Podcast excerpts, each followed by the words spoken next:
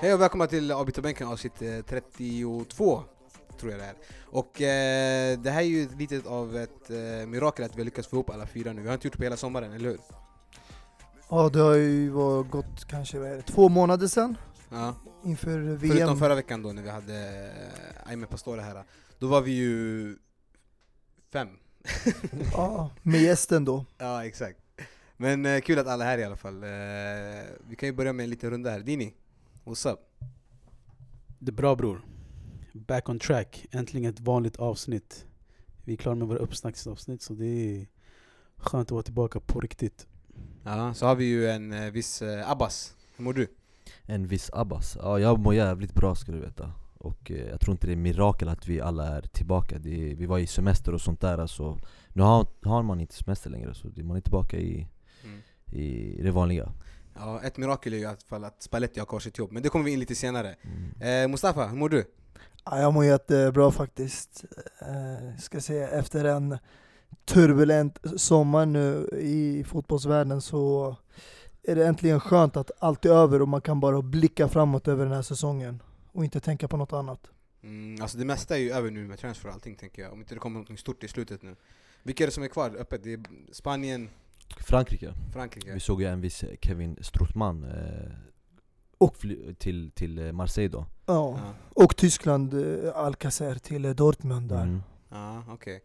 Tror ni att det är över nu när det är, vad är det, två dagar kvar? När vi spelar in det här, eller tror ni att något stort kan hända? Ja, inte något stort men eh, En viss Neymar tillbaka till Barcelona? Nej. nej. Absolut Alltså jag tror det är över i alla Real fall. Madrid. Nej.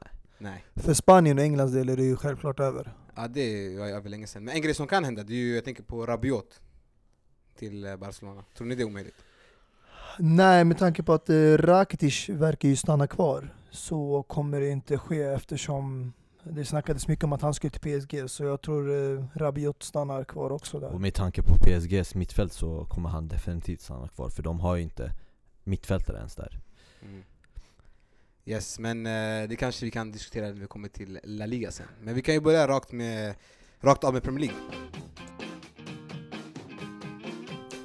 Helgens tredje omgång började med att Wolves tog emot Man City, mästarna, på hemmaplan. Och matchen slutade oavgjort efter eh, målsnåla chanser från båda lagen. Wolves spelade ganska bra och lyckades hålla mästarna i schack. Unai Emery och Arsenal tog sina första tre poäng på Emirates Stadium när man kom från ett underläge och slog West Ham med hela 3-1. Bournemouth och Everton blev en hektisk match där vi fick se två röda kort och Bournemouth hämtade ett 2-0 underläge på hemmaplan. Och det här är ju då deras eh, sjunde poäng då på tre matcher. En stark insats efter förra säsongen. Leicester kom från underläge mot Southampton på bortaplan då Southampton Hojberg fick se sig få ett rött kort där eh, efter en ful filmning och Leicester avgjorde i sista matchminuten med ett fint mål av Harry Maguire. Liverpool, som haft en fin svit, tog ännu en seger hemma och höll nollan mot Brighton. En självklar seger med 1-0. Watford fortsätter sin vackra form där man slog Crystal Palace och har nu full pott, 9 poäng på tre matcher hemma mot Crystal Palace.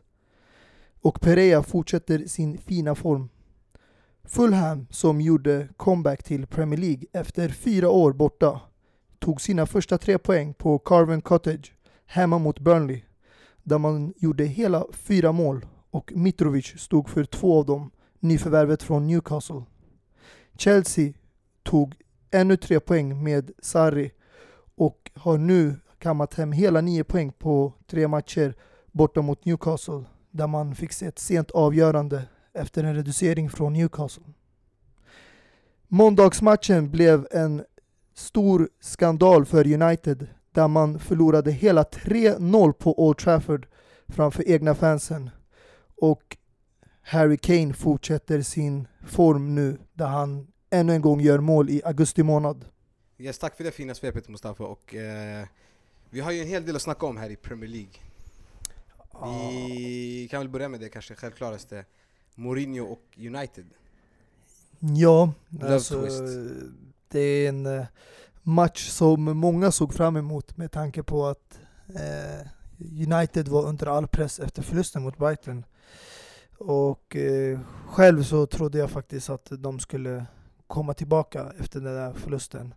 För det brukar de göra.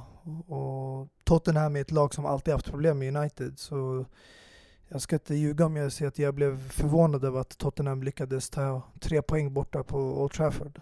Så det här är ju en stor besvikelse från United och Mourinhos sida. Mm. Eh, det skulle ändå vara intressant att få höra vad eh, Dini säger om den här matchen. alltså jag har en hel del att säga om just United, kanske inte om själva matchen. Eh, alltså, med alla frågor om Mourinho är den rätta tränaren för United eller inte, det, det, alltså, det spelar ingen roll egentligen. Jag tror själva klubben har ett större problem än så.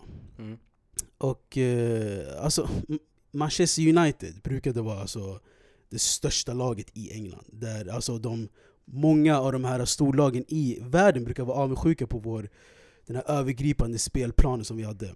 Mm. Och det kom med att Ferguson, alltså hans liksom attityd, mentalitet speglade själva klubben och det blev ett med klubben. Eh, alltså liksom om han ville att akademin skulle fungera på ett sätt så funkar det så. Funkar det så. Om han ville att U-lagen skulle spela på ett sätt så spelar de så.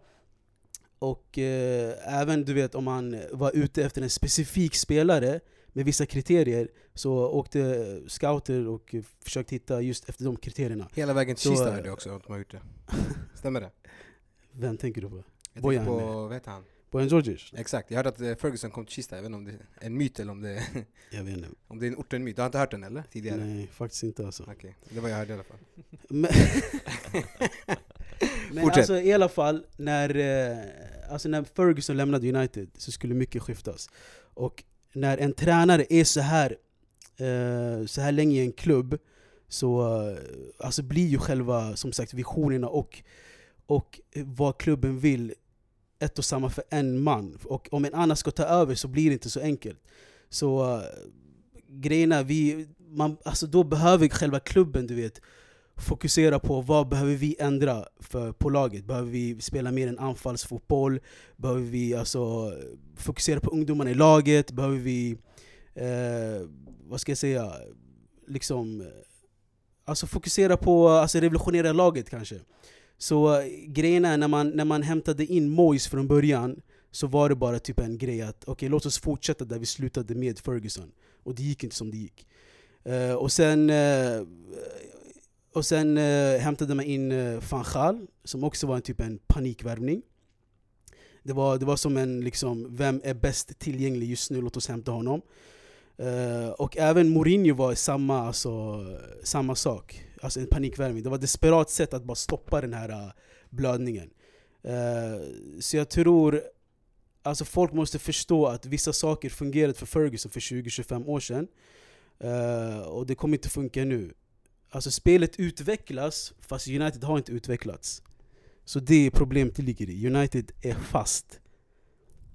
Alltså jag vill också tillägga en grej med, alltså vi pratar mycket om Mourinho, men, och sen nämner du också Sir Alex Ferguson Eh, för de som inte vet så tog det fem år för Ferguson att vinna en titel. Och under de här fem åren så var han dålig i den klubben. Och, och Alltså visst, Mourinho är ju, han är en vinnare, han är en stor tränare. Det var kanske inte Sir Alex Ferguson. Men ändå, jag tycker ändå England och egentligen hela världen, de är alltid på Mourinho hela, hela jävla tiden. Och visst, det kanske är hans fel också för han är en sån där Alltså han tar på sig ansvar och är kaxig mot liksom eh, ja, pressen och allt det här. Men Alltså en förlust och man hoppar på honom direkt. Visst, det är en skandal att torska 3-0 hemma. Det, tycker jag i alla fall. Men eh, de är på honom jävligt mycket så alltså Väntar du fem år på Sir Alex Ferguson? Mm. Jag säger inte att ni ska vänta fem år på Mourinho men Ge han lite tid. Alltså. Men, men fråga Mourinho, är inte han en tränare som eh, ofta liksom, han kommer in, han gör ett han gör ett bra, bra år, två, tre år, mm. och sen bara skapar kaos. Man har ju sett det i många exempel tidigare. Alltså. Det är Chelsea vad jag vet bara Chelsea, Real Madrid var inte han så älskad heller i slutet. Ja, alltså i Chelsea var han ju alltid älskad, men det som är problemet är ju alltid styrelsen. Alltså den stora skillnaden mellan Fergusons tid och Mourinhos tid var att nu spenderas det ju enorma summor pengar på spelare. Vilket det inte gjorde liksom i 80-talet kanske. Och början 90. Och därför fick man kanske mer förtroende som Wenger och eh, Ferguson att bygga upp sina lag. Men nu, när vi ser och tar en titt på kanske Liverpool City som har spenderat stora summor på spelare. Man förväntar sig resultat på en gång. Det är därför det har alltid varit ett stort frågetecken till exempel kring Klopp. För att han inte levererat resultat. Han har gjort fina matcher, han har byggt ett lag som förbättrats under åren men inga titlar har kommit in under de här åren. Och Mourinho, som nu gör sitt tredje år, har i alla fall tagit hem tre titlar med United. Båda åren har kvalat till Champions League. Bättre än vad både Moyes och Van Gaal lyckades med. Så jag tycker den här kritiken är för hård. Samtidigt som vi både vet att Mourinho, när han har varit i klubbar som Real Madrid, Chelsea tidigare, han har fått stjärnvärvningar. Han har fått spelare som han vill ha för att förbättra deras svagheter och kunna utmana på alla fronter. Den här sommaren ville Mourinho ha, åtminstone förutom Fred-värvningen i mittfältet, en mittback. Det pratades om Harry Maguire och Toby Alderweireld. Och han ville ha en ytter. Det snackades om William Perisic. Men han fick inget. Han fick en värvning, Fred. Och sen fick han ja, vänsterbacken från Porto som jag inte ser som en jätteförstärkning. Mm. Eh, Daglot eller vad han heter. Och det där, det är inte tillräckligt bra med tanke på att United hamnade 19 poäng bakom City förra året. Om du ska kunna utmana det bästa laget som hade ett sånt försprång, då måste du verkligen förstärka laget. Mm. Och det här, det måste man då vända blickarna mot styrelsen, mot Ed Woodward, som det har talats mycket om att han inte har skött affärerna för United. Men tycker du att, alltså, tycker du att man lägger för mycket eh, ansvar på Mourinho i, i det, på det sättet att liksom, man förväntar sig för mycket av honom? Alltså, jag tänker med tanke på det, alltså, han, ni såg ju alla presskonferenser när, eh, när han liksom eh, stormade ut. We lost last season here against Sevilla and we were booed. Because we deserve. Because we were not good. Because we were not dangerous enough. Because Sevilla deserved to win to win the match. We were booed. And deservedly. And today the players they left the pitch after losing at home and they were applauded because they deserve it.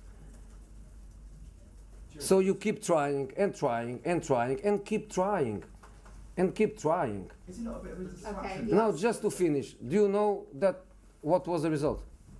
3 0. 3 0. Do you know what this means? 3 0. But also mean three premierships, and I won more premierships alone than the other 19 managers together. Three for me and two for them. Respect, respect, respect man, respect, respect. Alltså han har ju självklart en poäng i det han säger. Men eh, det är inget tillräckligt bra ursäkt för den här förlusten. Alltså, man kan ju säga att ja, de spelade mycket bättre än vad de gjorde till exempel mot Sevilla. Och skillnaden mellan den här matchen och den där matchen är att de inte blev utbuade. De blev applåderade för att de gjorde en bra insats. Men det man måste tänka på är att Mourinho ibland, i vissa fall, jag kommer ihåg i Real Madrid också när de åkte ut mot Dortmund semifrån. Han sätter upp laget på ett bra sätt. De spelar väldigt fin fotboll. De skapar många lägen. Men det är spelarna som missar chans efter chans. Och då är det väldigt synd, för i sådana fall kommer ändå tränaren få skulden om de åker på en förlust. Och det är, det är någonting som jag tycker i fotbollsvärlden, inte bara i England utan överallt, måste förändras. Spelarna måste ta mer ansvar. Det, det hjälper inte att man bara lägger all ansvar på tränaren. Alltså jag tror inte det handlar om eh, just tränaren i sig. Det här är, det här är som jag sa i början mycket mer än så. Det här är på gräsrotsnivå och eh, även om... Jag, jag läste nu att Mourinho får en match på sig att bevisa sig för United. Uh, och även om vi hämtar in en ny tränare det kommer det vara samma problem. Uh, det kommer ta tid för honom att uh, anpassa sig till laget. Han kommer få en trupp som han inte ens vill ha. Eh, så det här problemet är mycket större än så, än Mourinho. Även om jag tror att Mourinho är en del av problemet, absolut. Jag, jag, om du frågade mig skulle jag inte vilja ha honom från första början. Jag vill att, man skulle, att Van Gaal skulle fortsätta med sitt projekt. så jag tror problemet är större än så här. Ja, jag kan inte förstå varför. Alltså jag kan säga så här, de här spelarna som ni har idag allt är bara på grund av Mourinho Hade ni haft Van Gaal skulle ni aldrig ha de här spelarna Men Ni det hade, det jag skulle menar. fortsätta med de här äh, små knattarna med Rashford och Lingard och de här spelarna Och inte ens komma till Champions League Ja, men Och alltså, med har- Ferguson hade vi noll stora värvningar. Och jag tror inte det handlar om, om just... Alltså grejerna, jag, jag håller med dig att spelare kommer för att Mourinho är ett stort namn i klubben. Mm. Att folk vill spela för Mourinho, Mm. absolut. Men eh, jag tror också på att du inte behöver ha de dyraste och de största namnen i fotbollsvärlden eh, alltså världen just nu i en klubb för att vinna titlar. Jag håller med dig, men hellre det än Van Gaal, alltså det Van Gaal hade, eller David Moyes Nej alltså skit i Eller- van Gaal, skit i uh, Moyes. Jag menar bara att du ska ha ett, en tränare och tro på honom. Som du sa, att, att det tog Ferguson fem år att vinna sin första titel. mm. Eh, Så jag tror alltså allmänt, den här fotbollsvärlden håller på att bli jätteotålmodiga. Att så fort du inte levererar på några matcher så, så, så alltså, snackas det avgång. Så Ja, men alltså, alltså mitt intryck när jag kollar på United och Mourinho Alltså från fansen då, hur de reagerar, det är exakt som pressen alltså. De är bara på Mourinho, och vissa fans kanske kan vara på alltså spelarna också. Lukaku, han missar kanske lite för mycket och lite det där. Och Pogba, det här med Pogba, varför spelar han ur position? Ja men det är Mourinhos fel, alltså man blamear bara Mourinho hela, hela jävla tiden Och det, alltså jag fattar inte hur man kan göra det Alltså enkelt. det man måste komma ihåg, det här med fansen, det är alltid en minoritet som uttrycker sig på det där sättet och vill oftast ha tränarens avgång, men de är mest hörda efter de kom, eftersom de kommer med sina skyltar och massa texter och skriker efter att tränaren ska bli, få sparken. Men jag lovar dig att det är en minoritet och om vi såg i slutet av matchen när Mourinho gick och applåderade fansen, majoriteten ställde sig upp och applåderade för att United gjorde en bra match. Men det var helt enkelt inte tillräckligt bra i sista tredjedelen. De satte inte sina chanser. Och tyvärr blir det så när du inte är bra i avsluten. Ja, alltså jag ska säga en grej också, det är, alltså visst Jag tycker man är, alltså Mourinho har fått många spelare Han har fått många spelare, absolut Däremot så har han inte fått någonting den här, alltså, den- ja, det här fönstret som, som har varit nu Mm. Och jag vet att han har velat ha mittbackar han, han har gått ut och sagt att han vill ha mittbackar Och varför? Jo, det är på grund av det här som vi såg till exempel i matchen mot Tottenham Vi ser en, Lindelöf bara pass, ger en assist till eh, Dele Alli och alltså mittbackarna är riktigt dåliga i United Precis, det, det är där jag ville komma. Att, ja, fortsätt, förlåt. Alltså han, han vill ju ha sina försäkringar för att kunna ta det här nästa steget Om inte han får det, så kan man inte blamea honom Alltså visst, man, han har ju fortfarande som sagt, han har fortfarande bra spelare Men de här äh, Lindelöf, alltså Men kom han igen köpte ju in Jag vill inte vara Lindelöf. taskig men... Han köpte ju in Lindelöf nu förra sommaren. Ja exakt Så jag menar alltså... Gre alltså, alltså, det jag, alltså grejen om du vill ha en klubb som är successful så måste du ha en ägare som bryr sig om fotboll, som gillar fotboll. Och Glazer och Ed, Wood, Ed Woodward, jag vet inte om de gör det för grejen är, det de, det de tänker på hela tiden det är, det är vinst, vinst, vinst. Och när, när du värvar in spelare som Pogba Eh, och eh, ja, Pogba så så, så går det ju vinst i klubben. Du får mycket så PR, mycket reklam, mycket tröjförsäljningar och så vidare. och Så vidare. Eh, så det, så, alltså, om, om ägare inte tror på fotboll och tror på klubben så skiter i om de, om de värvar en back. För i, i, i, när det kommer till backar så finns det inga stjärnor Alltså på så, på så sätt där som det finns mittfältare och anfallare. Och på så sätt kommer inte... Alltså, du kommer inte gå vinst med klubben. Förstår du vad jag försöker säga? Jag förstår vad du menar, men alltså jag tänker Mourinho som tränare, hans, det viktigaste delen är defensiva. Och när man kollar backarna som man har haft i sina tidigare klubbar Låt oss säga inte, du vet man hade Maicon, Lucio Samuel, Zanetti Gå till Real Madrid, du har en, eh, det, Marcelo, Car- Carvalho, eh, Sergio Ramos och Arbeloa va? Mm. Eh, Alltså Chelsea likaså tror jag, eller? Jag vet inte Ja, vilka vi hade en eh, Ivanovic, en John Terry, mm, ja, men ja exakt alltså Ashley Cole.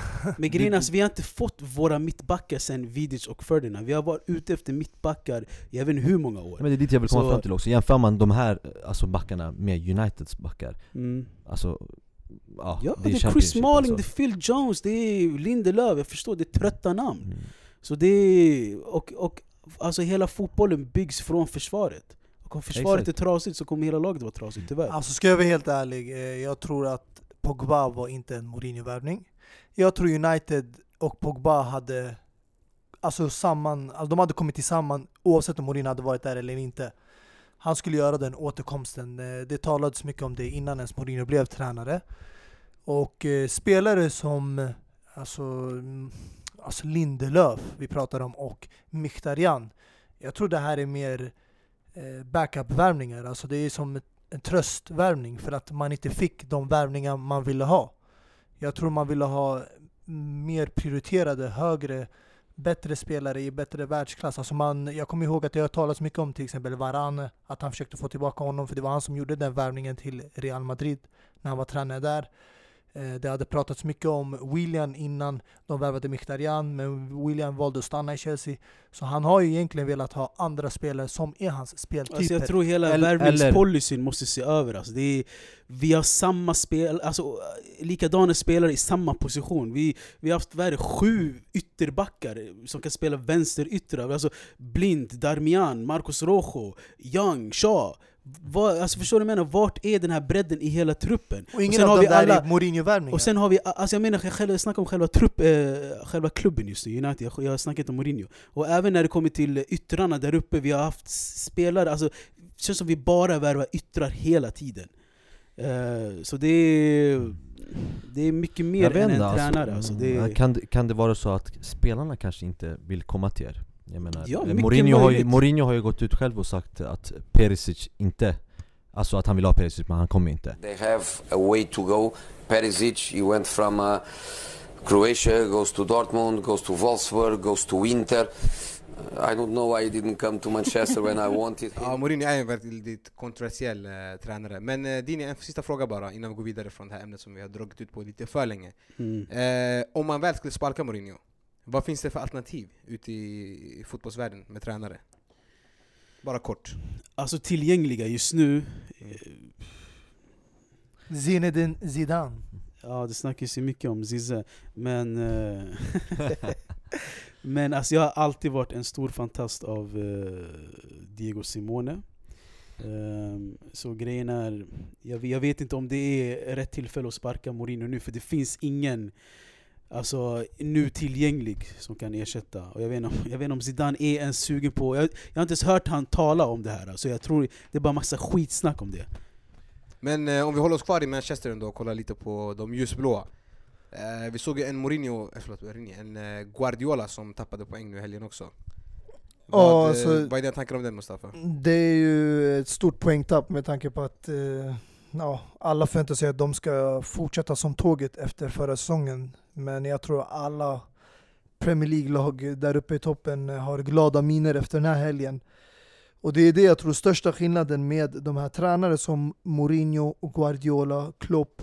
Det här är inga spelare som kan komma, ta över ett lag och alltså bygga vidare och använda samma eh, trupp eller liksom spelare som finns där för deras hur ska man säga, tillfogande, utan de behöver sina speltyper. Och det är där vi kollar Guardiola bara förra säsongen, när han värvade tre ytterbackar, Walker, Mendy och Danilo. Det är stora skillnaden. De här måste ha sina spelare, de måste ha sina värvningar. Om de inte får sina spelare, de kan inte spela sitt spel. Samma sak med Klopp, som har hämtat in Salah, Mané, och nu har han hämtat in eh, Fabinho, Naby Keita och sen har han eh, ja, försvaret då, Joel Matip, Van Dijk. De behöver de här värvningarna. Och nu målvakten gör Alisson, någon som ja, är en världsklass till skillnad från de andra två. Så det är det, de, när jag kollar på de här och jag jämför till exempel med en tränare som till exempel Antonio Conte. När han var i Juventus, han hade inte alls samma speltyper som han hade när han var i Chelsea. Spelare som Hazard, William, Pedro, sådana små tekniska spelare. Det var stora fysiska spelare. Vucinic, Quagliarella, Matri. Och Tevez, han var en liten ja, bulldog där som sprang Det fanns Tevez och Giovinco där faktiskt det Men Giovinco var aldrig en startspelare Tevez han. blev det när han kom, men Tevez är också en sån här alltså, kraftig spelare som lite men stark ändå som Agüero Men det var helt andra speltyper, han hade ett helt annat spelstil med Juventus alltså det, Våra mittfältare, Fabregas, var helt annorlunda från deras Så det är det jag menar, vissa tränare kan bygga vidare från det lag man får som mm. till exempel också Ancelotti, han kan komma och fortsätta med samma lag och ändå göra bra. Men tränare som Mourinho, Klopp och Guardiola, de behöver sitt spelmaterial, annars funkar det inte. Mm. Eh, om vi kollar lite på, bara lite snabbt nu innan vi avslutar Premier League. Vi har ju sett ett Arsenal som har strugglat lite i början med två svåra matcher med, mot City och sen mot Chelsea där de torskade. Men nu har Unai Emery första, fått tagit sin första vinst. Mot, mm. eh, vilka var det mot? West Ham. Mot West Ham, 3-1 hemmaplan. Hur har det sett ut för Arsenal? Tänker jag bara snabbt. Alltså jag, även här, eh, tålamodet för en ny tränare måste förlängas. Det är, Unai Emery kommer till en helt ny, ett nytt land, ny liga, eh, tar över ett lag där Wenger har varit eh, tränare i hur 300 länge? år.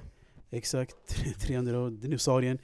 Eh, så även, även där så måste supporterna och, och, och själva klubben ha tålamod med tränaren. Och om det, om det tar något år eller två år så, så får det ta. För även, alltså Arsenal är ingen klubb där man, där man förväntar sig att de, de ska ta ligatitlar varje år. Eh, jag tror Arsenal är ett- en klubb där man förväntar sig att de ska bounce back. Eh, om det gör det med Unai Emery, det vet jag inte, men eh, jag tror i alla fall man ska ha tålamod med Arsenal. Mm. Ja, frågan är tålamod till vadå? För de kommer aldrig vinna ligatiteln alltså på ett bra tag om de har de här spelarna. För de här spelarna skrämmer absolut, absolut inte topplagen i Premier League.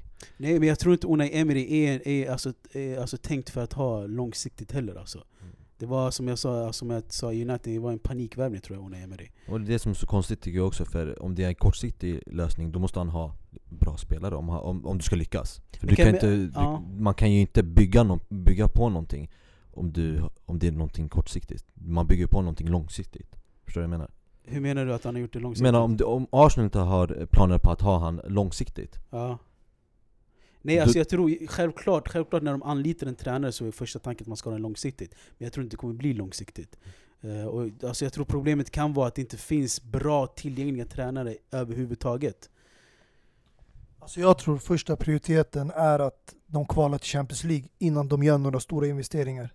Det, det är väldigt enkelt. Alltså det här var små investeringar, man hämtade lite rutinerade spelare som Lichsteiner, eh, nya spelare som Torea och man försöker bygga vidare och det viktigaste är ju att komma topp fyra. Om de lyckas med det så tror jag att klubben kommer våga investera mer på Emery. Alltså det sjuka är, om vi bara pratar Arsenal jättesnabbt, alltså det är, Vi sa Torreira, Torreira är en topplirare och han, han har en svart start en enda match han har fått hoppa in varje jävla match och jag Mm. fattar inte det Mot den här uh, talangen eller vad fan han är, vad fan heter han igen? Iobi. Ja, Nej, jaha, du menar uh, fransosen? Guendouzi eller vad han heter Ja. Ja, alltså vad, vad tänker Emery och eh, jag vet inte, det jag menar, Arsenal är verkligen ett nötskal, alltså jag fattar inte Granit Xhaka som alla alltså, hatar Fansen har vänt ryggen mot honom och alltså, de gillar inte honom längre Mm. Ändå så får han spela hela tiden Det är, ja de kommer inte vinna på ett bra tag skulle jag nog säga Den andra omgången av Serie A rivstartade på lördagen med två toppmatcher och först ut var Juventus som tog sig an Lazio. Den gamla damen tog ledningen genom Miralem Pjanic och det definitiva avgörandet kom i minut 75 när alla trodde att Cristiano Ronaldo skulle göra sitt första mål i Serie A men var så osjälvisk och klackade upp bollen till en fristående Mandzukic som kunde hårt skjuta in slutresultatet 2-0. Ja du Cristiano, 180 minuter i Serie A, 180 minuter utan mål. Benvenuti nella Serie A. I lördagens andra match så var det dags för Milan att göra säsongsdebut och motståndet var Napoli. Gonzalo Higuains första tävlingsmatch för sin nya klubb blev alltså mot, sin, mot hans tidigare lagkamrater. 1-0 och 2-0 till Milans favör och vinst var nu ett faktum. Men Napoli visade varför de var titelutmanarna till Juventus förra säsongen och vände ett tvåmålsunderläge till 3-2. Är det Sarris följdverkning eller Ancelottis inverkan?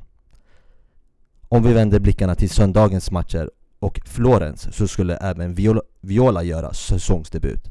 Och det var utan tvekan ett spelsuget Viola som äntrade Stadio Artemio Franchi.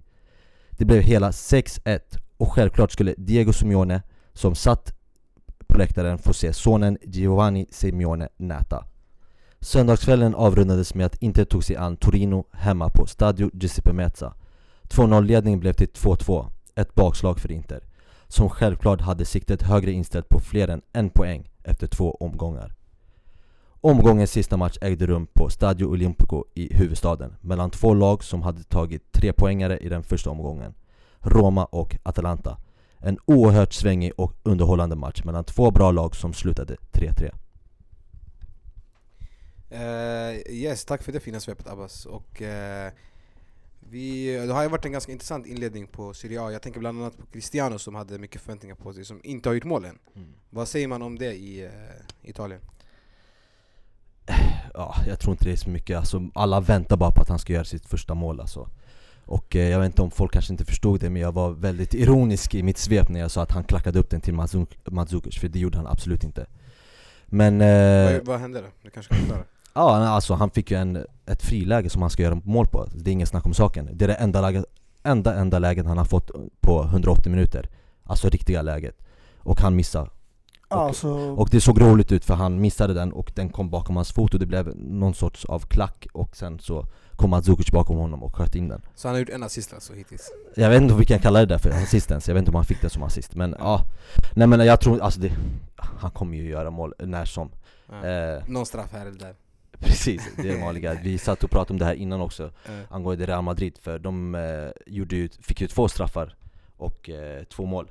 Fyra mål gjorde de alltså. Mm. Och eh, hade Cristiano varit där så hade han tagit de där två straffarna. Så han hade, han hade två plus nu alltså? Precis, så det är det jag menar. Juventus väntar, eller jag vet inte om han väntar på straffarna men alltså han kommer göra, han kommer göra mål, absolut. Ja. Eh, annars så hade vi också Milan-Napoli där Milan gjorde säsongsdebut i eh, Serie A. Vad, eh, varför gjorde de det så sent när alla andra hade spelat redan?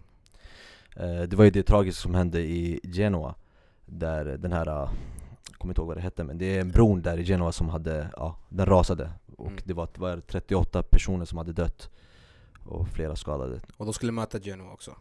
Precis, eh, ja, exakt. De skulle mm. möta Genoa okay. och, eh, Ja, så yes. de, den blev inställd då och mot, det blev, första matchen blev mot Napoli helt enkelt Yes. Och så Milan som gjorde säsongsdebut, de, hade ju en, de ledde ju 2-0 mot eh, Napoli och eh, tappade det till ett, ett 3-2 torsk.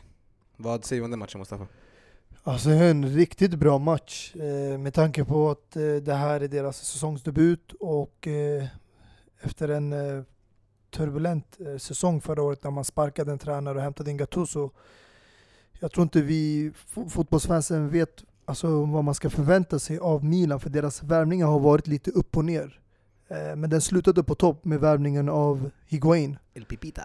Ja, bytet där med Bonucci och sen fick man in också Caldara. Så jag tycker, eh, även fast man förlorade och eh, inget, man fick inte med sig något poäng alls, kan man ändå vara positiv för att spelet såg ljust ut. Alltså de vågar ju spela upp offensivt på bortaplan mot Napoli som vi vet är ett väldigt starkt lag på hemmaplan. Och eh, ja, skapade en hel del chanser, så det kunde ha svängt vilket håll som helst. Eh, den delen de kanske bör jobba på i framöver, alltså det är ju den defensiva delen.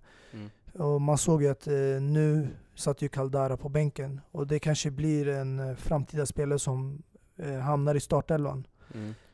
Men sen såg vi också att eh, offensivt har de ändå gjort det helt okej den här sommaren. De bytte in bland båda, båda nyförvärven eh, Bakayoko och Laxalt. Hur såg de ut? det var ju katastrof. Vet, I vårt förra, förra avsnitt så pratade vi mycket om eh, eh Bakayoko, mm. att han bara hade några matcher, han var dålig i några matcher i Chelsea och det är bara första säsongen, man kommer bli bättre Vad var det Gattuso sa om honom då? Är det det jag tänker på eller? Vadå? Gattuso, han, han sa ju någonting om det Ja han sa verkligen någonting, snubben kan inte ens positionering, var det var det exakt det han sa ja. Men eh, alltså det var inte bara det Jag såg ju hela matchen och Bakayoko, jag tror inte han löpte ens en kilometer i de tid, den tiden han liksom var på plan. Han sprang ju inte. Och han gjorde även en, en assist till Zielinski när han nickade ut den, men ja Jag ska inte skylla på honom där, men han var katastrofal, det var han verkligen. Mm. Så då alla de här experterna och de som var här i avbytarbänken som pratade my liksom mycket gott om Bakayoko. Mm. Ja nej det var alltså en det är som sagt, riktig, alltså, att skylla på en ska spelare Ska du avgöra han på 30 minuter? Exakt, alltså en spelare som aldrig spelat i Serie A Italien Han har inte spelat i toppfotbollen i flera år Vi pratar om en säsong i Monaco och en säsong i Premier League i Chelsea Där det gick dåligt för hela laget Och som Gattuso uttryckte sig klart och tydligt Det här är en spelare som har haft skador och stort problem med självförtroendet. Han måste bygga självförtroende tillbaka och få en matchform där han eh, håller sig borta från skadorna och kan komma upp i det här tempot med de andra spelarna som är på topp. Så det är Gattusos fel att han slängde in Bakayoko bortaplan mot Napoli. Alltså det är ju en risk, alltså jag tänker liksom när du har ändå en spelare som Biglia, som är rutinerad egentligen, varför ta ut honom? För han var sämre än Bakayoko, för han var jävligt dålig mot Napoli. Det var han som orsakade första målet som gjorde så att Napoli kunde komma tillbaka. Han var dålig den matchen också. Biglia är absolut inte den Biglia som eh, spelade i Milan de två, tre första matcherna Eller den spelaren i Lazio han har ändrats och han har blivit en eh, riktig rutten spelare Ja men det är det, det finns skillnad. Det, är, alltså, det finns ju tränare som eh, baserar sina beslut på ett misstag av en spelare Och så finns det de här spe, eh, tränarna som, om en spelare gör ett misstag så pushar man ändå spelaren. Så spelaren reser sig upp och gör en bättre insats och kanske även avslutar matchen på ett bra sätt. Mm. Ett misstag ska inte få dig utbytt eller ja, bänkad. Hur, ja, hur som helst, det jag försöker säga är, jag vet inte varför vi sitter och pratar om Bakayoko så mycket. Det jag ville försöka säga är, alltså trots det, allt det här som du sa, att han, har, han behöver bygga på sitt självförtroende, han har så mycket hat på sig, han har allt det här på sig Så mycket press och allting. Men då är det nu. Det är nu du ska in och gör någonting, ja, men det gör är, någonting. Det, det, är du dålig, passar du bort bollar, gör någonting, spring åtminstone. Ja. Alltså han var dålig på allting och det har alltså, inget det med självförtroende att göra. fans som er. Det har inget med självförtroende att göra, det har ingenting med något att göra ja, Han har spelat 30 minuter den här säsongen, ja. så ge han lite mer tid. Ja, Jag kommer absolut ge honom mer tid, jag säger, jag säger bara, det är bara det jag menar. Och sen det här med att Mustafa, en sista grej också, att Mustafa säger att Milan inte ska ta åt sig, även fast de liksom inte tog en enda poäng mm. Alltså om du, om du är en stor klubb och du leder 2-0 och Napoli vänder till 3-2 Spelar ingen roll vart du än spelar, om det är på deras hemmaplan eller på i Stadio i liksom San Siro det, det spelar ingen roll, du ska inte tappa 2-0 ledning till 3-2 mm. Punkt slut! Är, och, sen, och sen ser du att de inte bryr sig, att de inte liksom tog till sig den här poängen, alltså de, de är inte sura det tror jag absolut de är. Alltså jag sa aldrig att de inte bryr sig, jag sa att det fanns någonting positivt att ta med sig från den matchen. Det, och det var den insatsen man gjorde i första halvlek, där man spelade stundtals gånger fin fotboll, man vågar gå framåt. Till skillnad från många andra lag där jag har sett där Juventus inte kommer borta mot Napoli, spelar väldigt lågt försvarsspel. Så jag tycker det här spelet var ganska bra, men självklart ska de vara besvikna på att de inte tog med sig ett poäng. Men de lär sig av de misstagen, men det finns ändå positiva delar man kan ta med sig vidare till mm. nästa match. Okay. Eh, det roliga i alla fall, eh, att man kan konstatera, det är vad, vad Sarri sa. Han sa att eh, efter 2-0 i Italien så är en match död. Men här var det tre matcher som eh, alltså gjorde en comeback. Alltså Atalanta, Roma, Napoli, Milan och eh, den sista var ju Inter, Torino. Eh, så jag tror, alltså jag tror allmänt att Serie A eh, Absolut, det börjar bli mycket, mycket roligare att kolla på Serie A. Eh, det är en Cristiano Ronaldo i Serie A, så det är mycket, många anledningar att kolla på Serie A igen. Men jag tror även alltså att ligan börjar bli lite mer, vad ska jag säga, alltså lite mer... Öppen? Ja, exakt. För förut var det ju så att alltså, en, ett lag kunde vinna med 1-0 och stänga matchen. Mm. Uh, jag vet inte om det är till uh, alltså, goda favör eller om, det, eller om Italien börjar tappa sin, sin identitet. Uh. Jag vet inte, alltså, vet nu, jag tror att hela Serie A, alla klubbarna i Serie A, bortsett kanske från Juventus, de är väldigt dåligt, alltså de är inte i form skulle jag nog säga. De har haft en jättejobbig säsong, liksom, eh, försäsong helt enkelt. Vi, vi, Om vi bara tar Napoli-Milan till exempel. Milan kunde, höll liksom i en halvlek, och sen var de helt slutkörda i andra halvlek. Likadant Inter mot Torino. Inter var mycket, mycket bättre än Torino i första halvlek. Och sen tog det slut man tappar all luft, man, ja, man orkar inte spela mer menar, försvaret... Så jag tror det är bara första matcherna jag Ja det exakt, okej okay, det har spelats mm. två omgångar, mm. alltså, Geno samtidigt har bara spelat en match Det, mm. det kanske alltså, fel av mig att säga så här. Mm. Men jag, jag tror, eh, ser, alltså Serie A var ju känd för sitt försvar För att det gick inte att göra mål på vissa lag det eh, Känns som det där börjar... Eh, alltså det... Börjar försvinna? Ja, precis um. Men eh, vi hade en annan intressant match, det är Roma-Atalanta där man även gjorde en comeback som du sa Dini, eh, från eh, en eh, 1-3-ledning till 3-3. Mm. Hur såg den matchen ut? Förutom Javier Pastores fina klack. Alltså det var en eh, väldigt spännande och rolig match alltså. Och alltså Roma hade ju startelvan där Så enkelt var det, till skillnad från Atalanta som hade flera spelare som de eh, vilade på grund av att de har deras Europa League-kval nu sista matchen mot Köpenhamn. Eh, Spelare som, alltså om ni tänker, jag kan ge den frågan till Dini till exempel. Atalantas bästa spelare, vem är det? Gomez Och han spelade inte, han hoppade inte ens in. Eh, Vi har, eh, vad heter han igen, Freuler. Han spelade inte heller. Eh, Vi har, eh, vad heter han, Derun, Derun eller hur man säger som även har spelat i Premier League, jag vet inte om ni känner till honom. Han är också riktigt duktig och en av deras bästa spelare. Han spelade inte heller. Alltså, och ändå så leder man 3-1 mot Roma. Och till slut, samma sak där. Ja, Man pallar inte helt enkelt. Och Roma eh, kommer ikapp.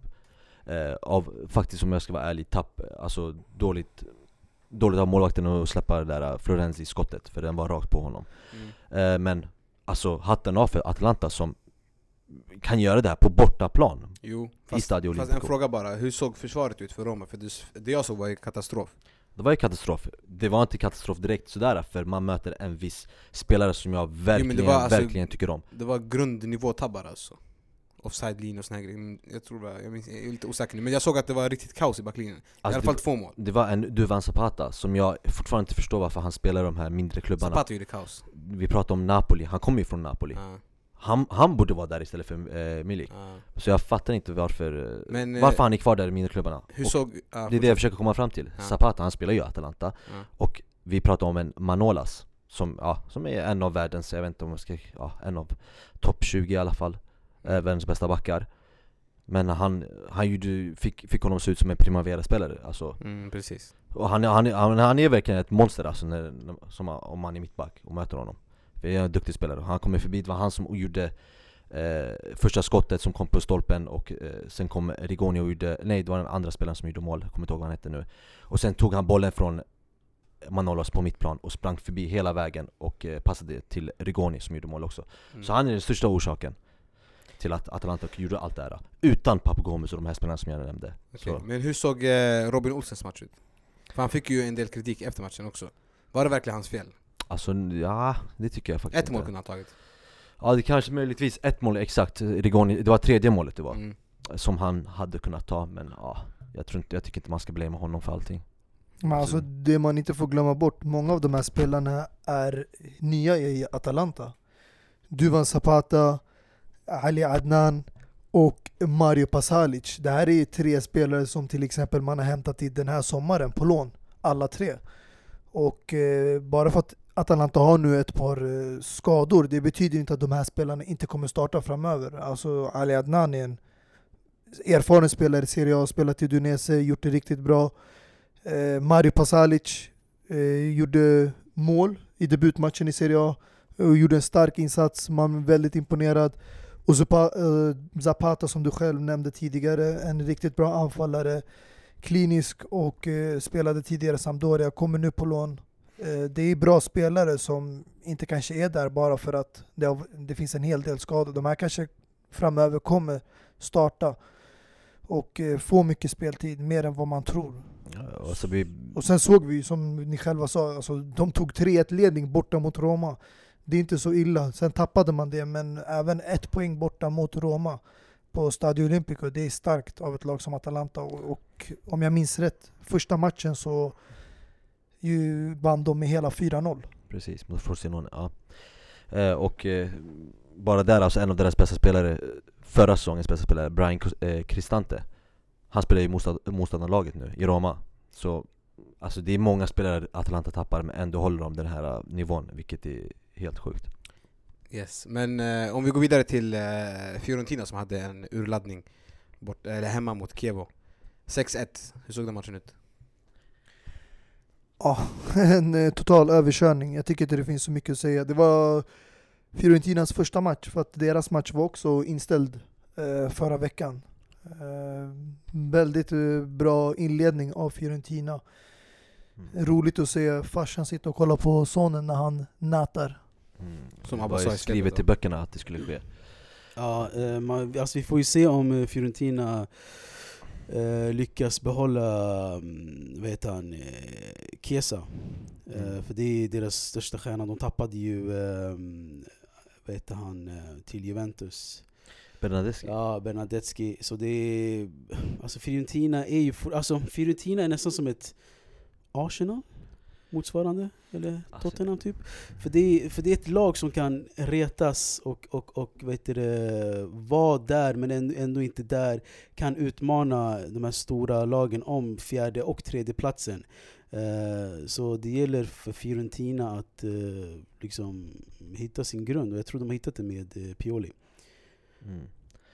Alltså jag tycker att Fiorentina har börjat få ett läskigt anfall alltså. När jag säger läskigt, inte alltså duktiga spelare i varje position där i anfallet då. Eh, om vi bara tänker, alltså tänk dig en startelva med Chiesa, eh, Simeone och Piaka från Juventus som är utlånad. Det är ju riktigt bra starttrio starttrio där uppe. Men sen får man också inte glömma att eh, Fiorentina har värvat in eh, Mirallas från Everton då.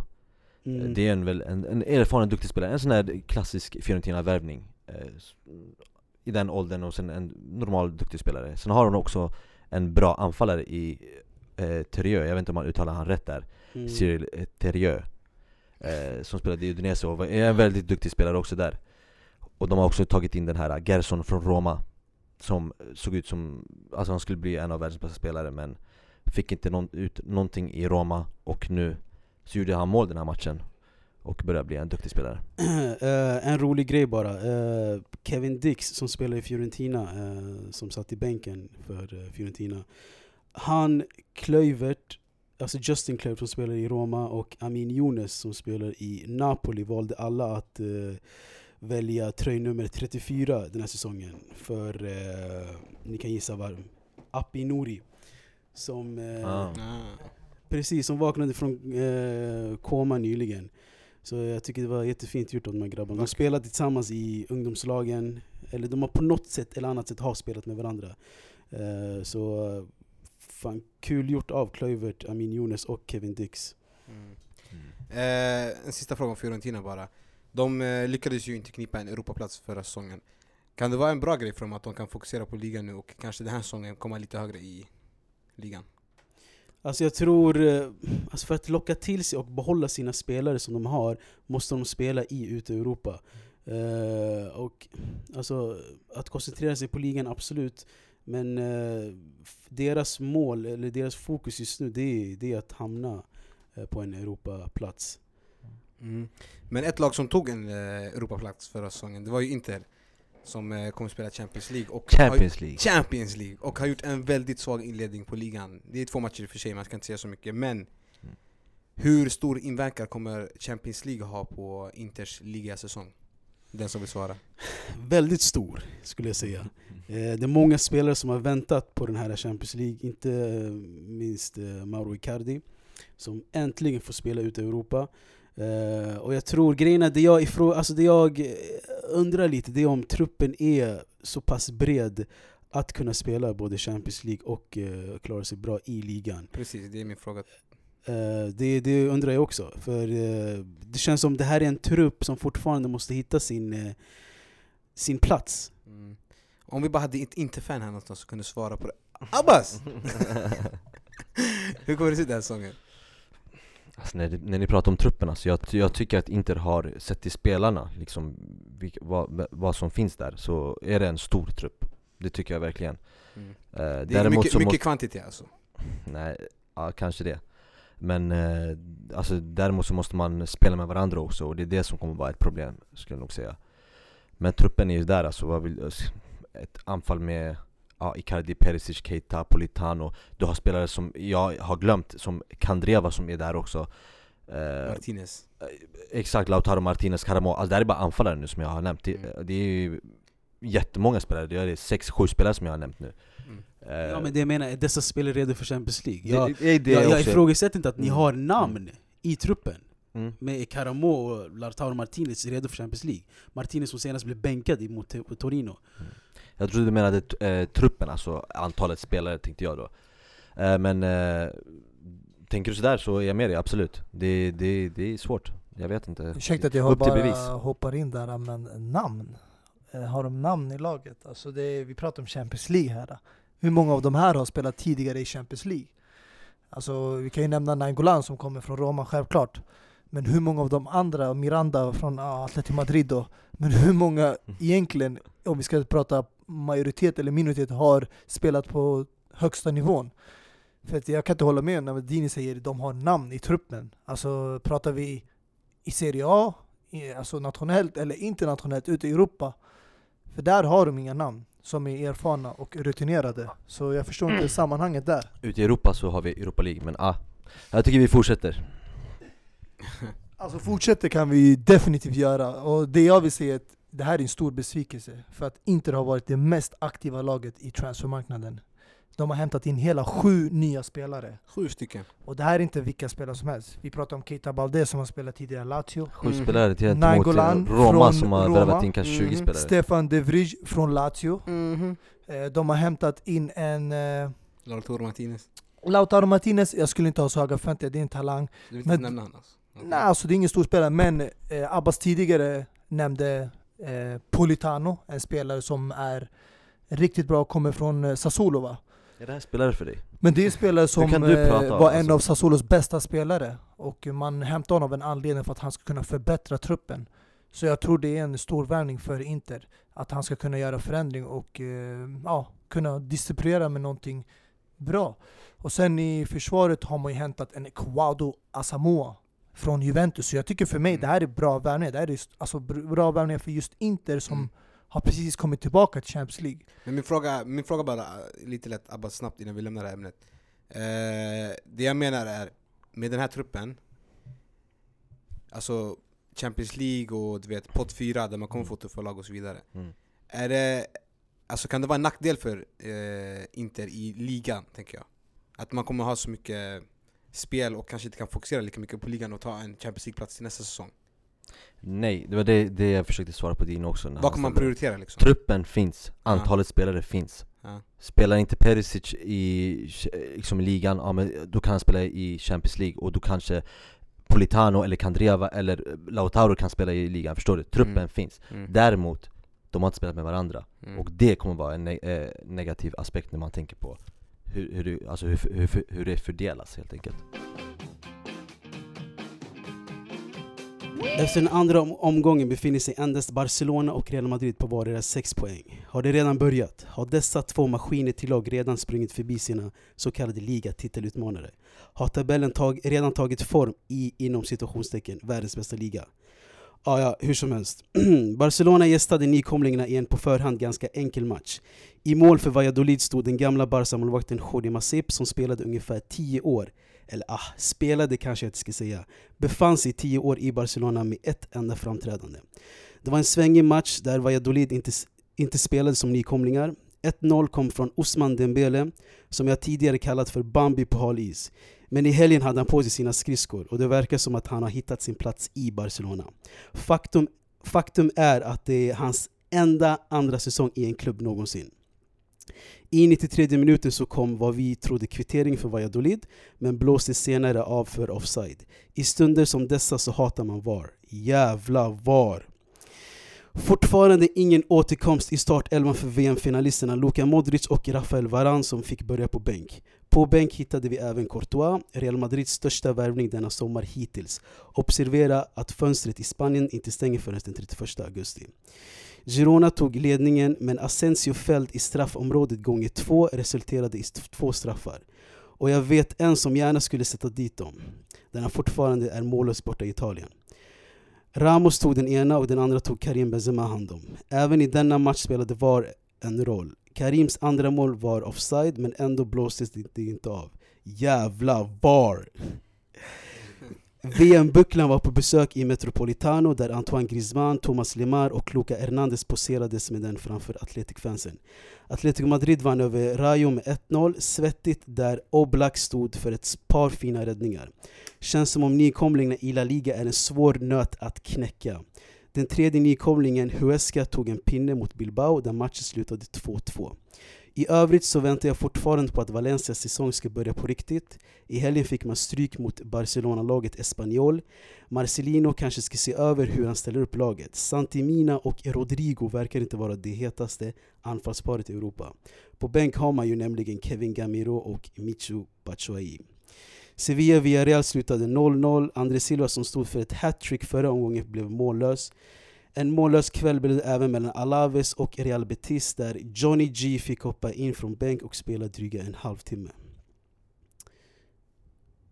Ja, tack för det svepet Dini, det var väldigt eh, bildligt. Man, man får bilder i huvudet.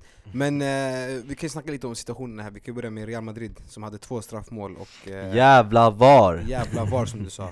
Eh, det är mycket frågor här, vi kan börja med, saknar Real Madrid Cristiano? Eh, sett på resultatet, nej. Och även uh, straffskyttar har de gott om. Det känns som de, de retas med Cristiano, att det är, ena gången är det Ramos som sätter dem, andra gången är det Benzema som sätter dem.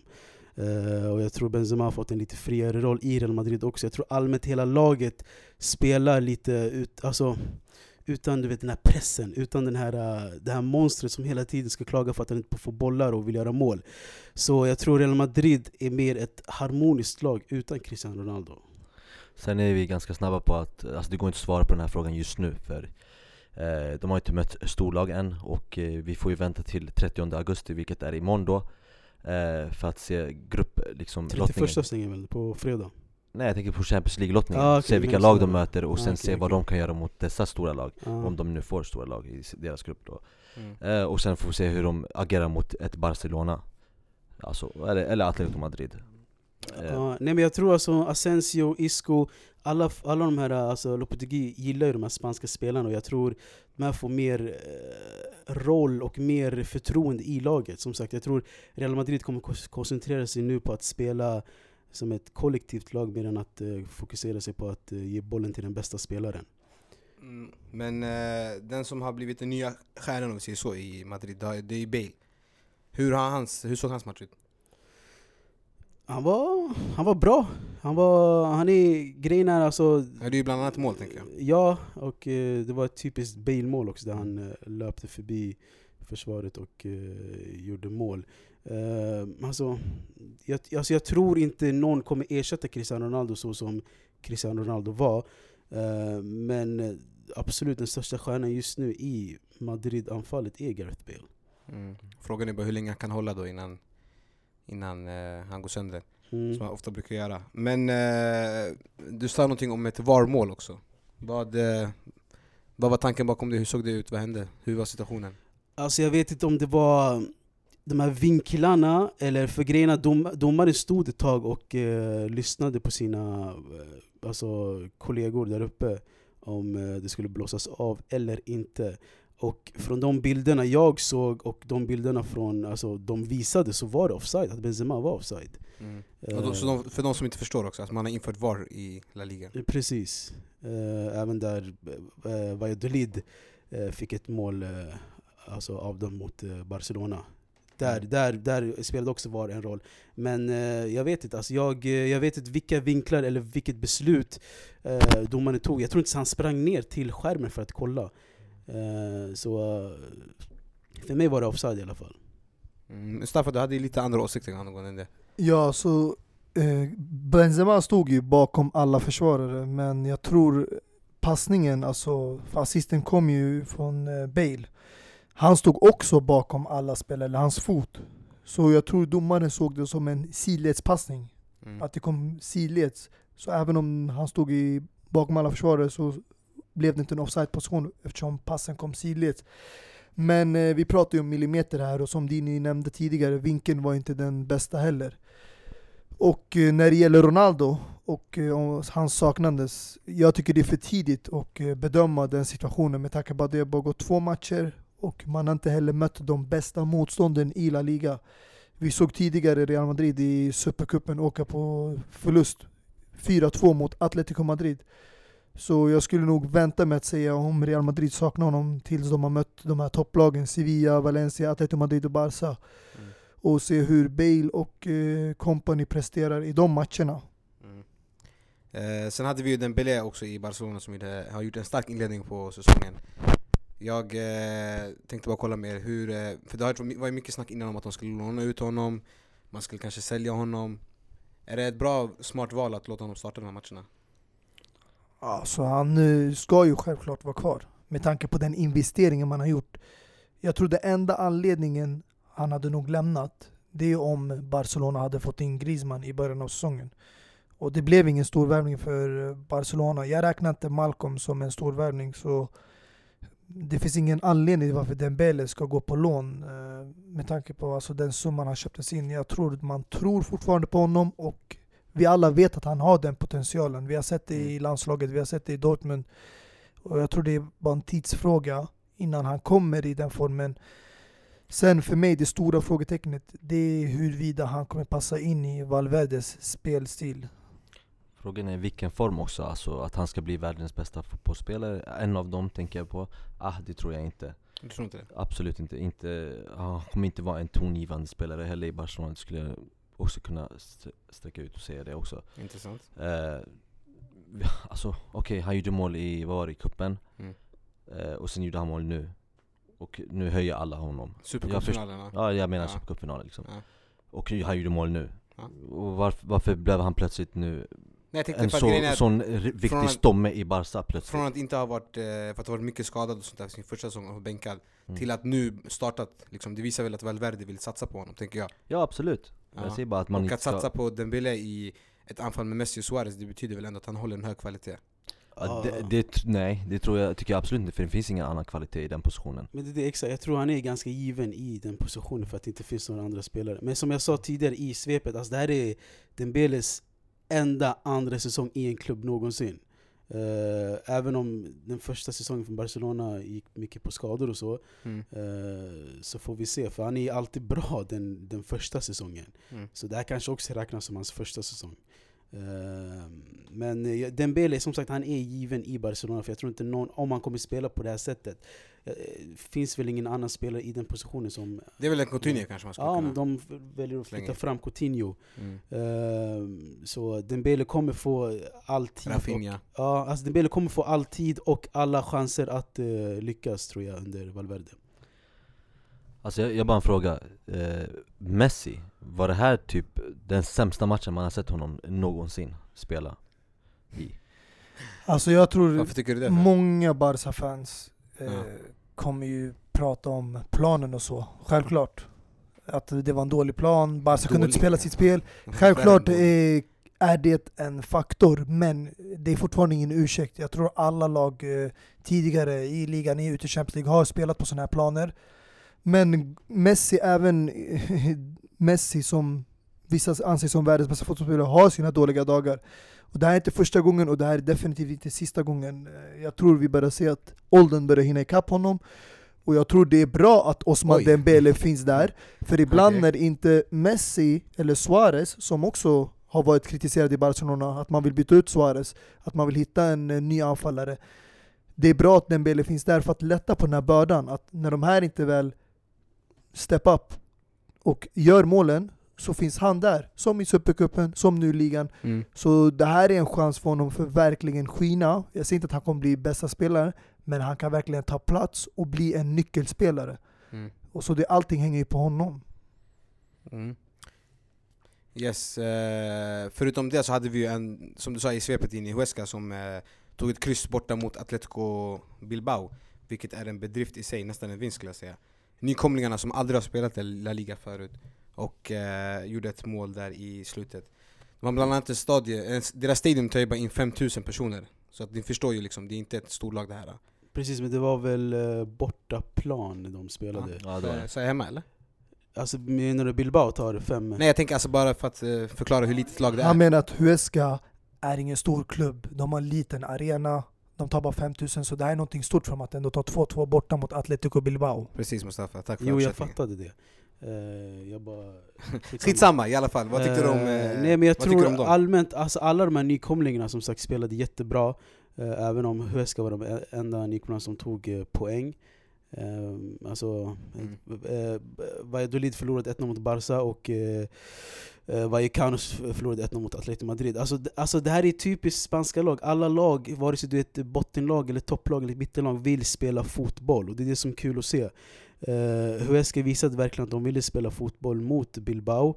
Um, och det var kul att se. Och mm. uh, jag, jag kommer ihåg i början av det här uppsnackningsavsnittet för La Liga sa jag att alla tre nykomlingar kommer åka ner.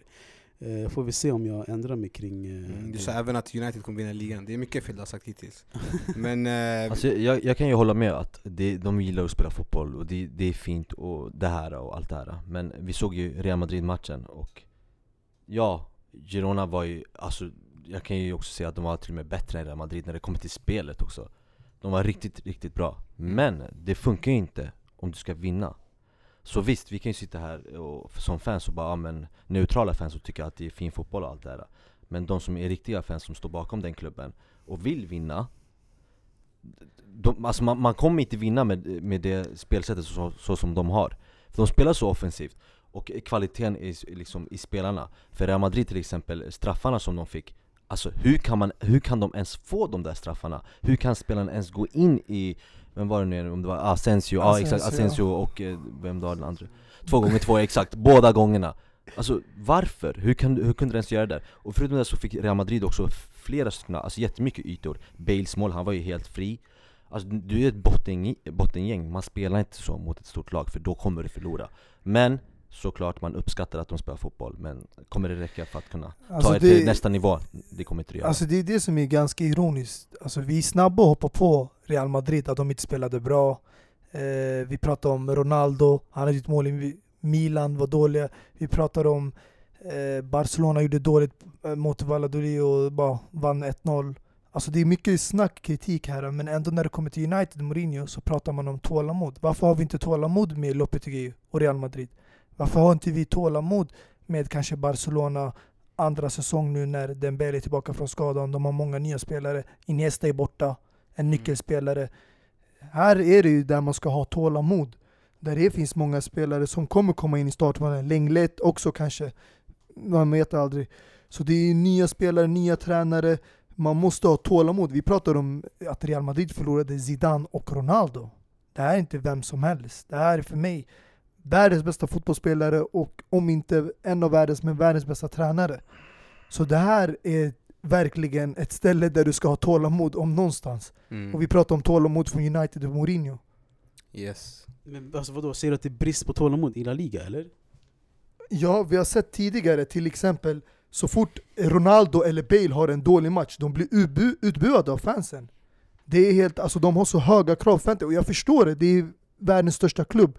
Men nu har ni en helt ny tränare, ni har haft en succé med en tränare i tre Champions League-titlar.